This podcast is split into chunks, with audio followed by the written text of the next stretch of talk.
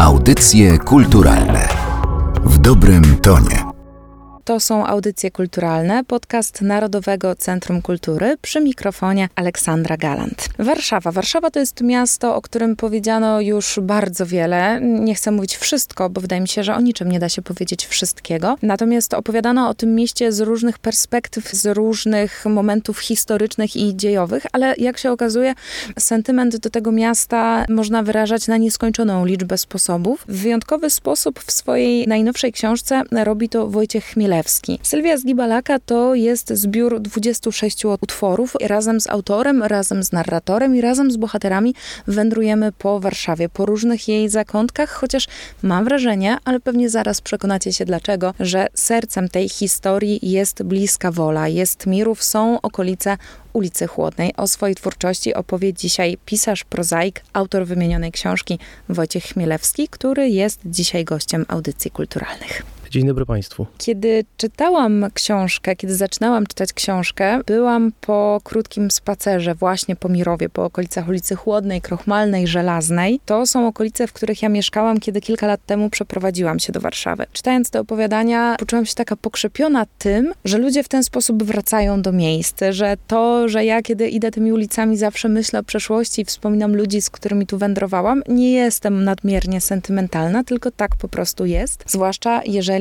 na tej ulicy Chłodnej, na osiedlu za Żelazną Bramą, spędziło się całe życie, no bo chyba nie da się ukryć, że to są dla pana bardzo ważne okolice. Tak, ja tam się urodziłem, tam dorastałem, tam spędziłem moje najwcześniejsze dzieciństwo.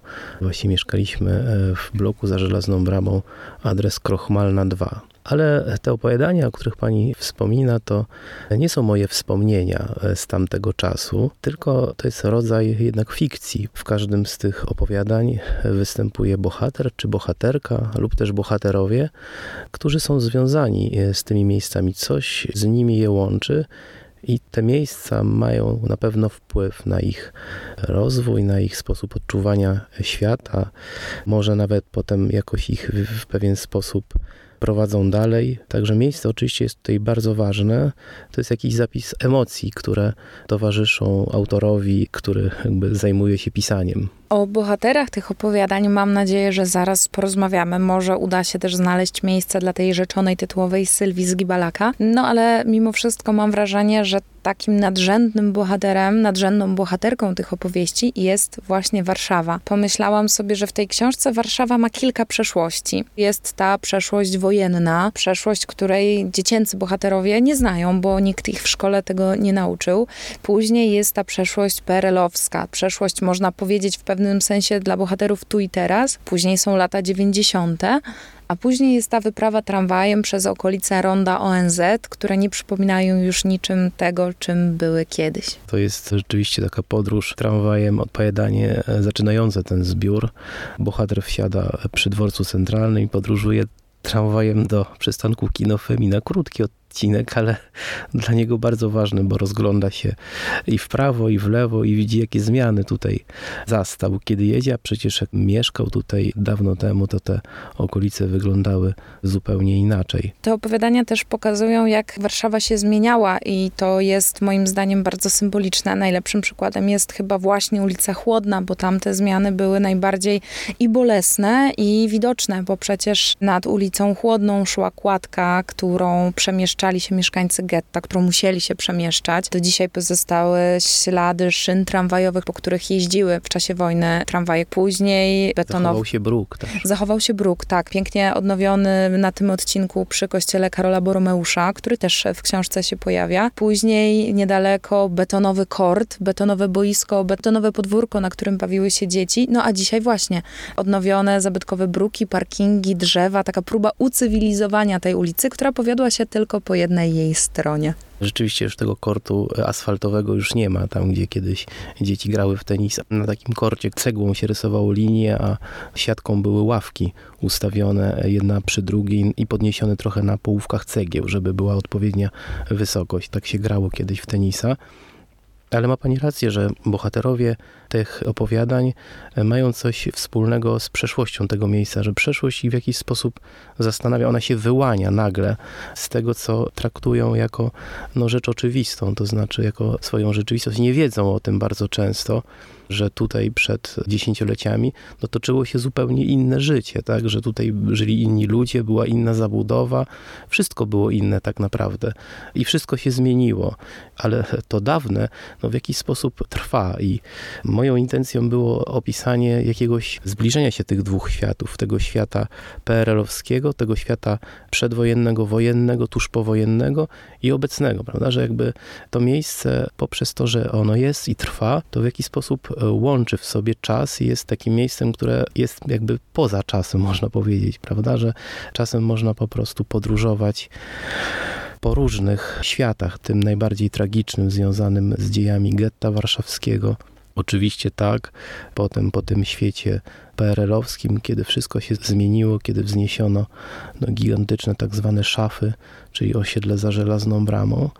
No i teraz, kiedy właściwie te szafy stoją, ale pobudowano tam mnóstwo różnych innych budynków. No i ludzie się zmienili.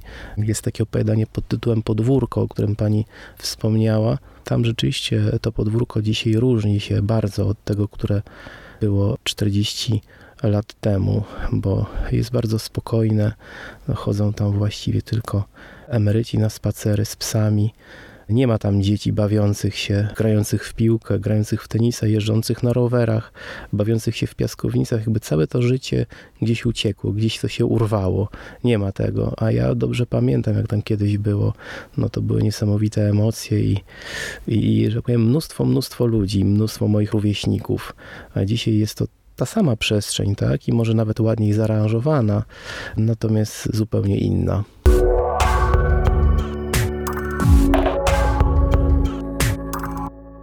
Książce pojawia się nawet takie określenie. Pan mówi, że czas zaczyna płynąć i o tym pomyślałam, kiedy pan mówił właśnie o pewnej ulotności i zastanawiam się, czy taki refleksyjny nastrój wielu bohaterów, którzy opowiadają o swoim życiu, życiu nie zawsze udanym, bo przecież życiu naznaczonym nieustannymi zmianami pracy, brakiem miłości, jakimś takim niedokończeniem i niedopasowaniem można łączyć właśnie z tym miejscem i z tymi zmianami, z takim odchodzeniem, przemijaniem. No może właśnie to miejsce w jakiś sposób ich ich naznacza, prawda? że to jest taka przestrzeń, może to jest właśnie zła przestrzeń. Tam jest e, w jednym z opowiadań tytułowym w Sylwii z Gibalaka mowa o tym, że bohater, który jakby porusza się w takim czworokącie ulic Żelazna, Aleja Solidarności, Jana Pawła i Prosta, że on jakby nie może się stamtąd wydostać na zewnątrz, że on tam musi tkwić i bez przerwy przypominają mu się jakieś rzeczy, które tam przeżył, że coś go tam właśnie zatrzymuje. A to nie są rzeczy miłe, prawda?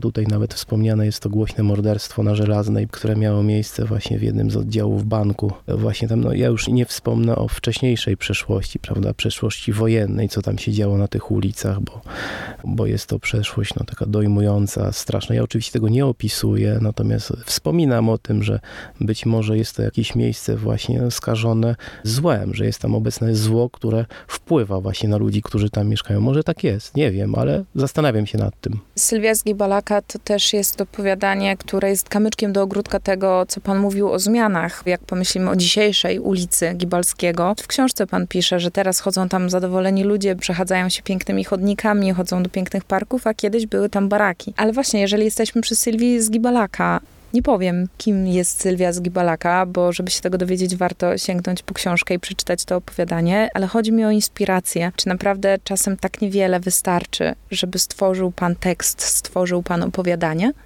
To trudne pytanie, postaram się odpowiedzieć. Czasami wystarczy rzeczywiście jakiś motyw, może rodzaj wspomnienia, czy właśnie jakiś też obraz, widok, który w jakiś sposób pozostaje i on się nawarstwia, w jakiś sposób wokół niego buduje się fabułę. Tutaj rzeczywiście ten Gibalak, ja go tylko znam z opowieści, bo nigdy tam nie byłem, nie widziałem tych baraków. One zostały chyba rozebrane w latach 70., tak mi się wydaje, czy na początku 80. Natomiast to miejsce było dla dla nas w jakiś sposób tajemnicze, przyciągające, bo różne opowieści stamtąd docierały, co tam się dzieje, jak tam ludzie żyją, że jest to miejsce właśnie zamieszkiwane przez takich charakterniaków, jakichś ludzi odważnych, ale jednocześnie jest tam dużo przemocy, że tam się właśnie biją, zabijają. Jakoś my dzieci wtedy z podstawówki myśleliśmy o tym Gibalaku jako o takiej jakiejś wyspie, która była niedaleko nas, prawda, ale która była takim miejscem niedosięgłym, jakimś odległym, a jednocześnie fascynującym. I docierały stamtąd, tak jak powiedziałem, różne opowieści, docierali też ludzie, tak jak tutaj bohaterka tego opowiadania, i to wszystko jakoś tak nawarstwiało się, jakoś miesiło, i z tego właśnie powstała taka fabułka, o której pani mówi. Ja też nie powiem, kim ona jest.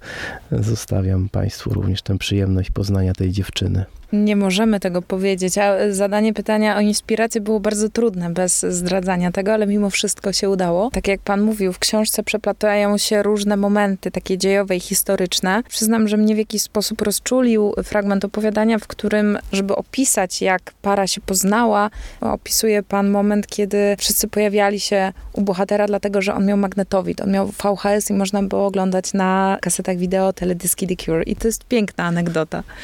Mam nadzieję, że że prawdziwe, chociaż tak jak pan zwrócił uwagę, no to nie jest zapis doświadczeń, wspomnień, ale jednak jakaś fabuła. Tak, to był taki rzeczywiście czas, kiedy Polacy w latach 80. bardzo szybko kupowali sobie wideo odtwarzacze na kasetach i to one były dostępne w tak zwanych PWX-ach, czyli sklepach, w których można było kupować tylko za dolary albo za bony. No ale też oczywiście kupowano na zachodzie, jakoś szmuglowane to wszystko, ale bardzo szybko, no, z tego względu, że telewizja była komunistyczna, miała dwa programy, tam leciała propaganda i to wszystko było potwornie, potwornie nudne, a tutaj można było oglądać filmy na kasetach, które krążyły, można było je wypożyczać. Ja już nie mówię właśnie o tej muzyce. Ta muzyka to też było coś wspaniałego, bo do tej pory to żadne zespoły typu The Cure, takie gwiazdy, no do nas, do Warszawy nie przyjeżdżały, a obejrzenie koncertu takiego zespołu w telewizji, to też było, było wielkie, wielkie wydarzenie, czy jakiś teledysków w ogóle. To dopiero później, przełom lat 80. i 90. weszła MTV i wtedy się zaczął inny szał. Ale te kasety z filmami, z teledyskami, z koncertami, no bardzo dobrze pamiętam, to rzeczywiście miało swój miał swój urok i też ludzie się wtedy poznawali, relacje się tworzyły, ty mi pożyczysz to, ja ci to, obejrzyjmy gdzieś razem, rodziców nie ma w domu, można było gdzieś pójść właśnie obejrzeć. Ale też wokół tej muzyki tworzyły się sympatie i antypatie, bo przecież bohaterowie opowiadania zaczepiają się, zwracając uwagę, że The Cure to wcale nie jest dobry zespół, a ja nie tak dawno przygotowywałam rozmowę o spektaklu na podstawie twórczości Depeche Mode, które również rozgrzewało do czerwoności taka niechęć do Depeche Mode mogła polaryzować towarzystwo. No ja bardzo lubiłem i lubię The Cure, a tam w opowiadaniu to może dopowiedzmy, to jest takie jakby iskrzenie między dwojgiem młodych osób. Oni tak się przekomarzają, tak prawda? On mówi, że on już nie lubi, że to jest beznadziejne, a ona jest zafascynowana i oglądają razem, ale tak naprawdę to, to chyba jakaś gra między nimi.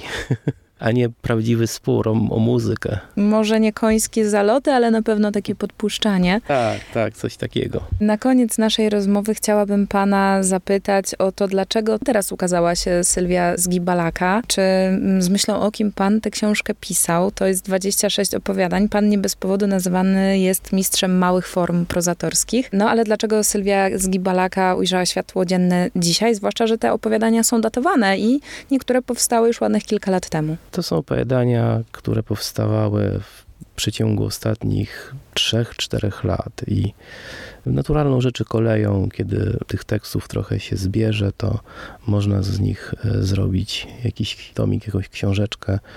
A mi akurat się to udało i bardzo się z tego cieszę, bo teraz czasy mamy takie dla książki dość trudne, a zwłaszcza dla zbiorów opowiadań, bo to jest taka formuła, po którą chyba czytelnicy sięgają mniej chętnie niż po powieści, więc bardzo się cieszę, że zbiór Sylwia z Gibalaka i inne opowiadania się ukazał. Dla kogo? No, dla osób zainteresowanych literaturą, tak myślę. Są tacy na pewno.